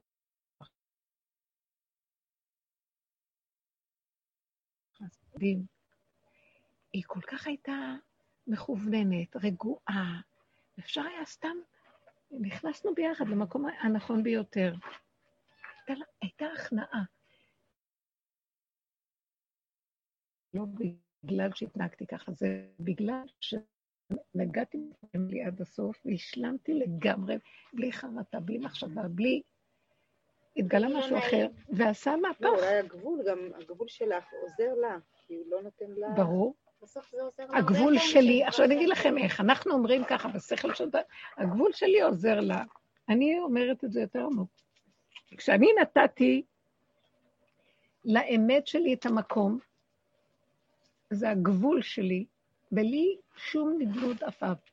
כי אני מוגבלת, אני מפגרת, אינפנטילית, אכזרית, לא יכולה, זה הגבול שיצרת בעולמך, זהו. התגלה אותה אנרגיית חיים פנימית שמחכה לנקודת האמת, להודות בשיוורון הזה של מציאות האדם, הוא שבור, הוא לא יכול. לא רוצה להיות גדולה, לא רוצה להיות יכולה, לא מכילה. הגעתי לנקודה הזאת, חברתי אליה מאוד, השלמתי, חיבקתי אותה, אנרגיית החיים, השכינה שבתוכנו קמה, והיא פועלת לכל הכיוונים. אותו אחד שעל אותו קו קיבל את הישועה. אני לא אומרת שזה הגבול שלי עזר לה, השכינה שקמה מהסכמה של הגבול שלי, היא זאת שחיברה, כי היא מאחדת ומחברת את ההפכים, והיא יכולה לעשות דבר והיפוכו. אני לא. כשהבן אדם יגיד לה, אני, יש לי כזאת רחבות של גדלות, אם, אני, אם יש מי שאכל מעץ הדת ראשון, זה אני לא אדם ראשון. את כל העולם אני אעזור, אני אעשה, אני אביא, אני אתן, אני זה, אני ארוץ, איפה אפשר, רק אני הראשונה ש... בסוף הוא מראה לי, מי את בכלל? תלווה את עצמך, תוכלי קצת טיפה לסדר? גם לא. אז המקום של הדרך הזאת המדהימה, שאנחנו עובדים עליה רוורס, זה לא השני, זה לא השלישי, זה לא גירוי תגובה, זה לא להצדיק את הטוב מפני הרע, ואני יותר, ולהילחם ולהתגבר. תשש הכוח מהעבודות האלה. אז נכנסנו בדרך שלנו, שזו עבודה של הסוף. היא לעזוב את הקו הזה של עץ הדעת טוב ורע, נכון או נכון, טמא, טהור, מותר, אסור, כאשר בסוף. אין לי כוח אליו. ולקחת את כל ההחצנה הזאת של התודה ולהפנים פנימה, ולראות מעצמי לעצמי מי אני, כשהשני הוא רק המראה והמקל שלי. וכשראיתי מי אני, אמרתי, או-הו, מה את כועסת על השני? את שורש הכעס זה את. מה את מבקרת? אז תראי איזה ביקורתית את. את אומרת שהוא קפדן ואת מקפידה על הקפדן. וככה, ככה, ככה, ככה, ככה, עד שהגענו לשורש, שורש של השבירה. וואו. בסוף אני אומרת, אבל אין לי ברירה, אני כל כך תשושה, אני כל כך חלשה, אני הגעתי למשבצת של הגולם. תודי באמת, וגם פתאום אני רואה, אני נורא קטנה, מאוד מאוד קטנה, קטנה שאפשר לתאר איזה קטנות. קטנה, אבל זה לא מאיים עליי, כי זאת אמת הכי מתוקה, ובאותה אמת שאת מודעת, זאת האמת, אין בה רגש, אין בה כלום. חל המהפך, הכל מסתדר. אותו אח גם כן. פשוט הוא זה שהתקשר, וזרם איתי כמו אני לא יודעת מה. עוד מעט הוא גם ייכנס בדרך. זה לא, זה בני אדם לא קיימים, זה הכל נעשה כשאנחנו נותנים נקודה אחת. עכשיו, איפה הנקודה שנגיע למקום של השלמה? עכשיו תדעו לכם. אין בן חורין יותר גדול בעולם מאדם שמוכן להשליל עם השלילה שלו. נגמרה הכפייתיות. אנחנו הכי מאוימים מהשלילה ובורחים תמיד. קחו את הנקודה הזאת, כל הדרך הזאת היא רק לנבור בשלילה. היו אומרים לי בהתחלה, וואי, את בדיכאון, איזה מין דרך זאת, זה דרך של דיכאון. וזה היה האתגר הכי גדול, השלילה שמחה אותי, בגלל שהיה שם נקודת אמת, פירקנו, הרמנו, הרמנו נקודות אמת. בסוף הגענו לתכלית של התכלית. מין חושך כזה וחוסר יכולת. עכשיו, במקום הזה אני אומרת, תשלים, התקבלי. למה לא? מה רע? מה רע בזה? איך שזה ככה. עכשיו, את, מירי, אומרת, אה, תמי. תמי, אומרת, אבל הוא טוחן אותי, המוח... תקשיבו רגע, אני, למה הוא טוחן? נכנס בתחינה שלו, מה הוא אומר לך? את לא בסדר, היית צריכה לעשות ככה. הוא מבקר, רוב הזמן הוא מבקר, הוא... תקשיבי, אני ישר אומרת לו, אני, איך שזה ככה זה בסדר. אני לא ממשיכה איתו. למה הוא טוחן? כי אני מסכימה לו. אם את תתפסי את הקטע הראשון שלו, הוא מתלונן, הוא נרגן, הוא מכר, שופט, הוא דן. אם את באה ואומרת לו, המחשבה הראשונה שבאה, ואת מסתכלת עליו, זה בסדר שזה ככה, אין לי כוח לשום דבר, שזה ככה מושלם, מושלם, מושלם. לך תחפש פרנסה במקום אחר. לחתוך את המקום הזה. עוד פעם, עוד פעם, עוד פעם, עוד פעם. אל תוותרו על החיות האמיתית של איך שזה ככה, בקטנות הכי...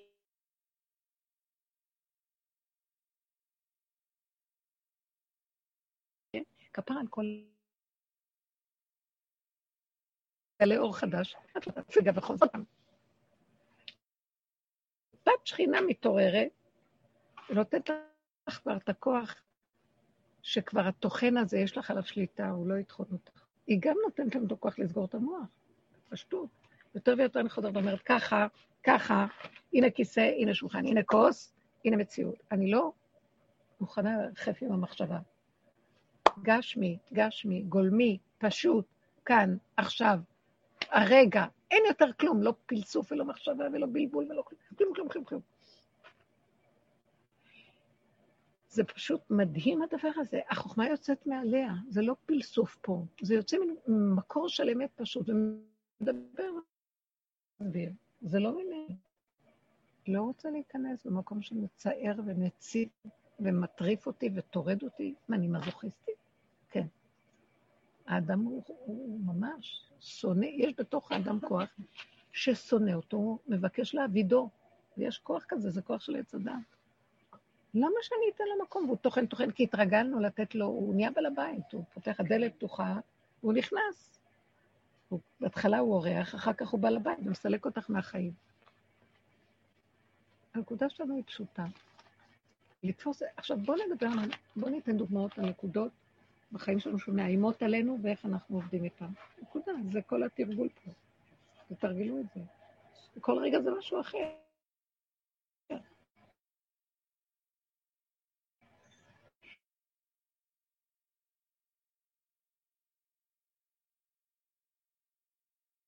קצת.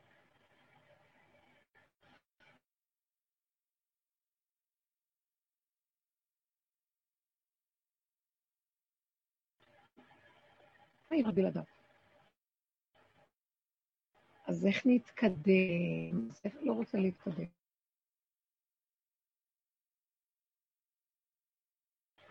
לא, זה משהו מתחיל להיות. קצת נקודה הזאת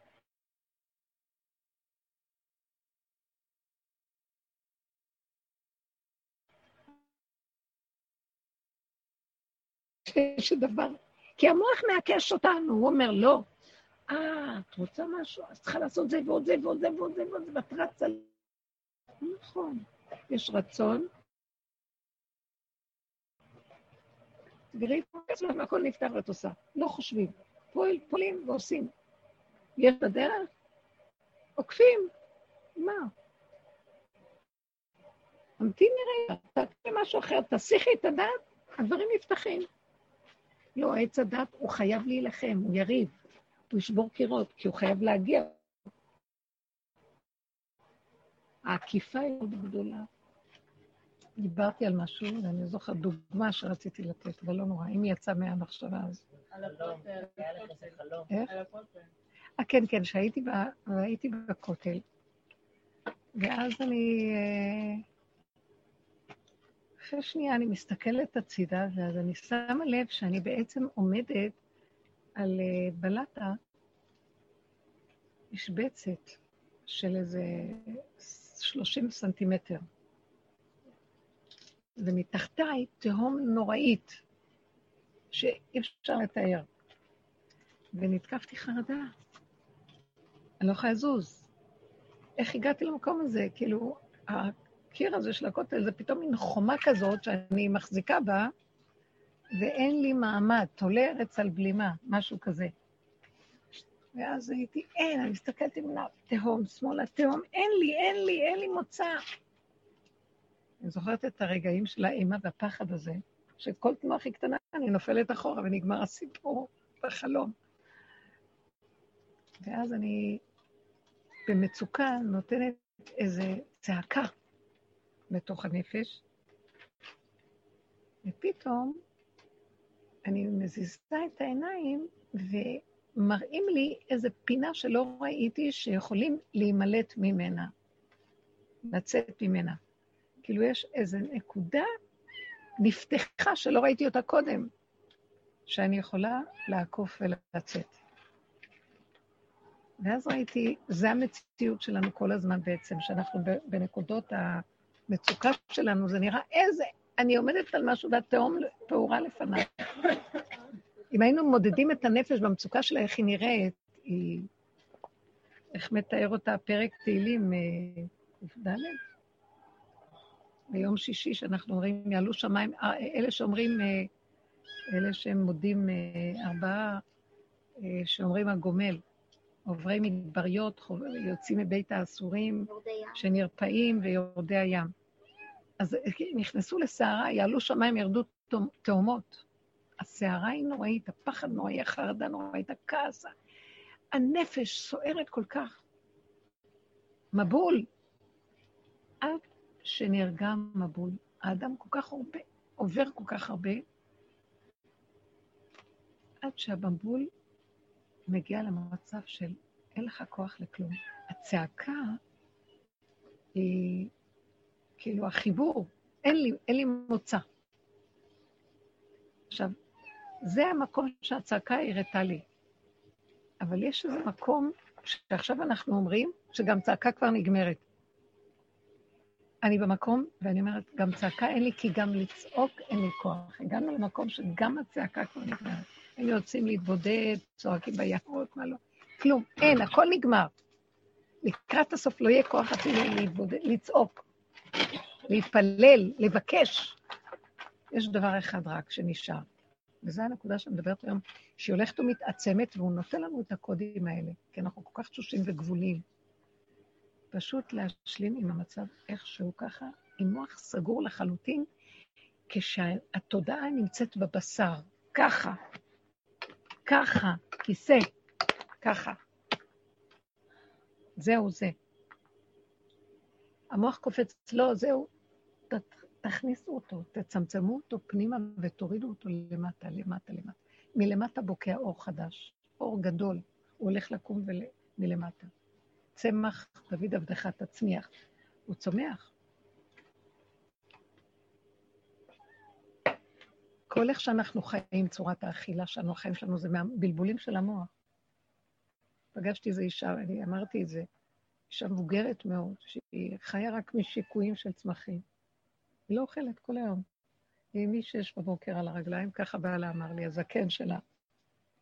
עמוס זקן בן 90, נראה כמו איזה... הוא אמר לי, בחיים לא הייתי אצל רופא. בן 90, לא הולך עם משקפיים. היא חיה מכוח הצומח. אחר כך שמעתי שהיא, לא יודעת מה שהיא, אה, יש השם אה, בקנה מידה עולמי בכל העולם, נותנת הרצאות על צמחים וזה. לא חשוב אבל. הסתכלתי רגע ואמרתי באיזה תרבות אנחנו חיים, ואיזה צנועה היא, צנועה, צנועה, צנועה בנפש, באישיות שלה. רגועה, רגועה, צנועה, שקטה. כאילו אין בעולמה רק את הרגע שהגעת אליה. משהו ממוקד, אה, כל כך... הוא אומר לי, אם יש בבוקר על הרגליים עד אחת בלילה, לא נחה. היא אוכלת אולי גזר, מלפפון, פלח של איזה תפוח. זהו. היא לא אוכלת, אומר לי, לא ראיתי דבר כזה, הוא, הוא בעצמו גם לא אוכל, אבל הוא עוד מתפעל ממנה שהיא לא אוכלת. לא, זה מעניין, המהלך הזה, איך אני אומרת, איך החיים שלנו נראים. בחיה, כוח הצומח מחיות, מעניין מאוד, אני סתם אמרתי שלא סתם פגשתי אותה. ואמרתי, התרבות שלנו משוגעת, עץ הדעת כל כך גדול, רחב עלינו. במחשבות, באפשרויות, העולם משוגע, מבולבל, כל כך הרבה דעות, רעיונות. יצירות. עכשיו, אתם יודעים משהו? זה בסדר. לעולם יש הרבה אנשים, בעולם יש הרבה אנשים. מה זה קשור אליי? למה אנחנו חייבים, תחושה שלנו, שנהיה בעניינים ונכיר את זה ונדע את זה ונשמע על זה ונכיל הרבה. תקשיבו, זה משוגע, זה שקר. הלוואי והיינו יכולים להכיל את הרגע הזה שלי כאן ועכשיו במקום הנכון. אתם יודעים את העבודה של צמצום צריך לזה? חוזק הלב? איבדנו. מרוב שאנחנו חושבים שזה כזה מעלה להיות בעניינים. מה זה מועיל לי? להיות בעניינים של מה קורה בפוליטיקות, עם הקבוצה הזאת, עם זאת, מה קורה בכל הידיעות האלה. מבלבל את הבני אדם, בני אדם מאוד מבולבלים, ואין להם הכרעה בין כל הבלגן שיש בעולם. מה, מה זה עושה לבן אדם? אין לו שלווה מזה. שבא רגע אחד של ניסיון, הוא לא עומד בזה בגלל שהוא מפוזר ומפורד לכל, לאורך ולרוחב. החוזק שלי יצמצם פה ושם. זה לא נורמלי, החוזק הזה שהקיום, החיות, היא נמצאת כאן בתוכנו והיא מהפכת לנו הכל. היא מביאה את הדבר, היא גם מסדרת אותו. אני לא קיימת בכלל. מתוכנו הכוח האלוקי בוקע, והוא קיים שם. למה אני צריכה להשתמש בדבר הזה בכלל? ואפילו אם הוא כלי, אבל לא, מה, לא מהתודה שקיימת בו, היא תלך, היא תתאדה ויבוא תודה חדשה שתשב במוח. הסברתי את זה באחד השיעורים, שאנחנו אומרים אלוקי אברהם, אלוקי יצחק ואלוקי... כי הם הצליחו לעשות את השם האלוקים שלהם, לפי הכלים שלהם. ועל זה גם יש מה שנקרא הוויה. אלוקים זה שם טבע, זה הכוחות של הטבע, שהם פועלים בעצם משם הוויה, אבל לנו נראה שזה ריבוי, אבל באמת באמת זה הכל אחדותו יתברך. אבל בטבע זה מופיע כהרבה צורות, עצמים שונים, עצים, פרחים, זה אה, ציפורים, חיות, עופות, הכל. הוויה זה דבר אחד, זה הכוח המהווה את כל הטבע. אבל הטבע, יש בו ריבוי, אבל הטבע עצמו הוא הוויה. עכשיו, כשאני מתחבר לכוח הטבע, שהוא הבית שלי, זה משבצת הבית שלי. בגלות עפנו ממשבצת הבית, ואנחנו בדמיון אלוקות, בדמיון הוויה. כאשר אין לנו קשר עם הטבע באופן נכון. אך בטבע, והמוח גונב אותנו לא להיות ביסוד האמת הפשוטה של הקיום הטבעי. ששם, אם היינו מחוברים בו, הוא מחיה אותנו מלמטה, כי הוא שוכן בתוכנו, ועליו יבוא אחר כך האור הגדול, ויהיה כמו חיבור וייחוד של אור וכלי. אור הכתר ואור המלכות, כלי של המלכות. שלמות. הטבע הוא אלוקי, אבל כשעץ הדת שולט בו, גרוע מאוד.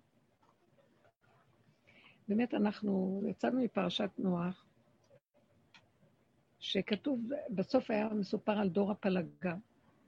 הם קלקלו, הדורות הראשונים קלקלו את העולם זוועה. עץ הדת שלט בהם והם היו מבולבלים, והם הלכו אחריו, והוא פשוט הרס כל חלקה טובה. התרחקו מיסוד האלוקי.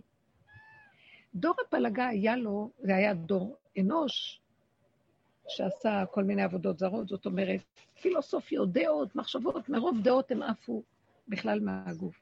אחר כך היה דור המבול שחיו רק בגוף, קלקלו רק בתאוות, בגוף, בחלקים הכי... הרסו את הגופים של העולם, עשו הנדסה גנטית. הדינוזאורים כנראה זה היה החלאה של כל מה שהם...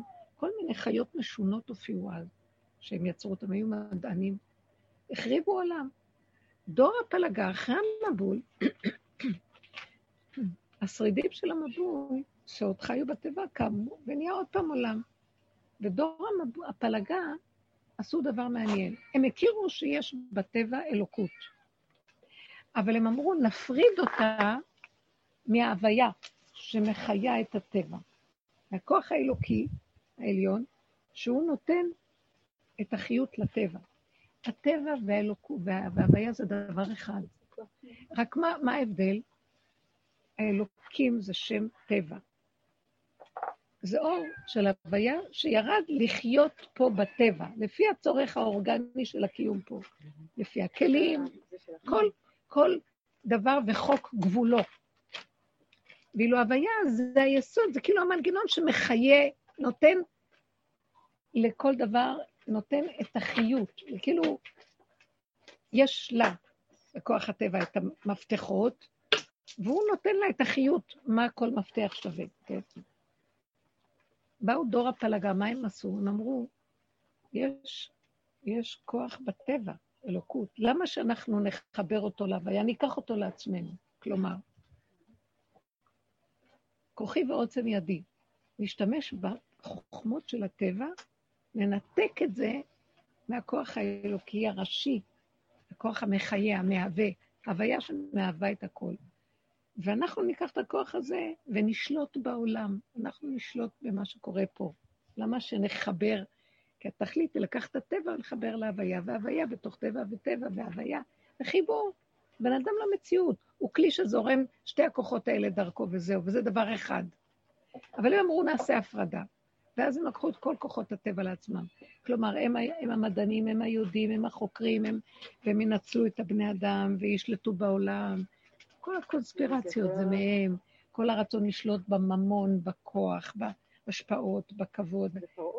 ברור, זה היסודות של כל הדורות האלה, זה הסוד הזה של חכמים גדולים, אבל לנתק את היסודות, את השורשים, מהקיום שלהם.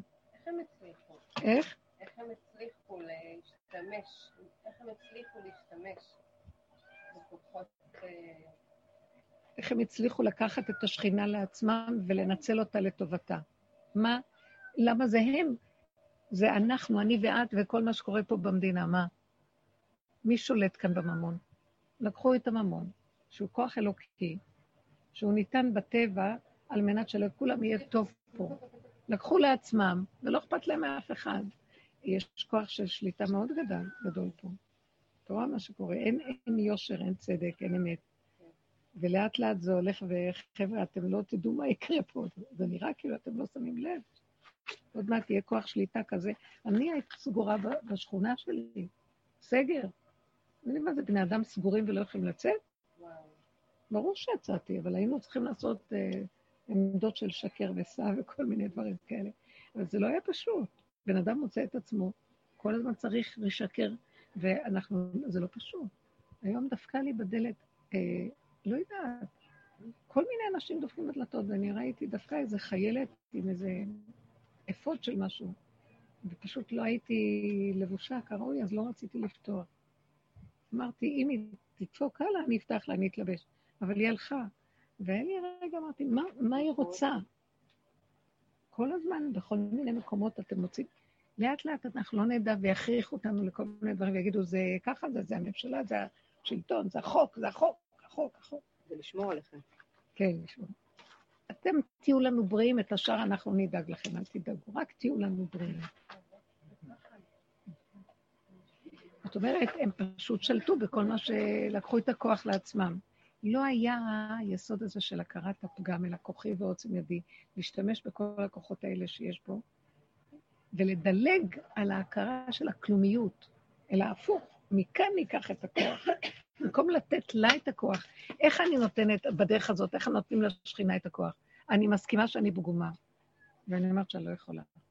ריבונו שלום, אתה רוצה, תהפוך את זה אתה. אני לא יכולה לתקן לך את העולם. אתה שלחת אותנו כעולם התיקון, את האנשים.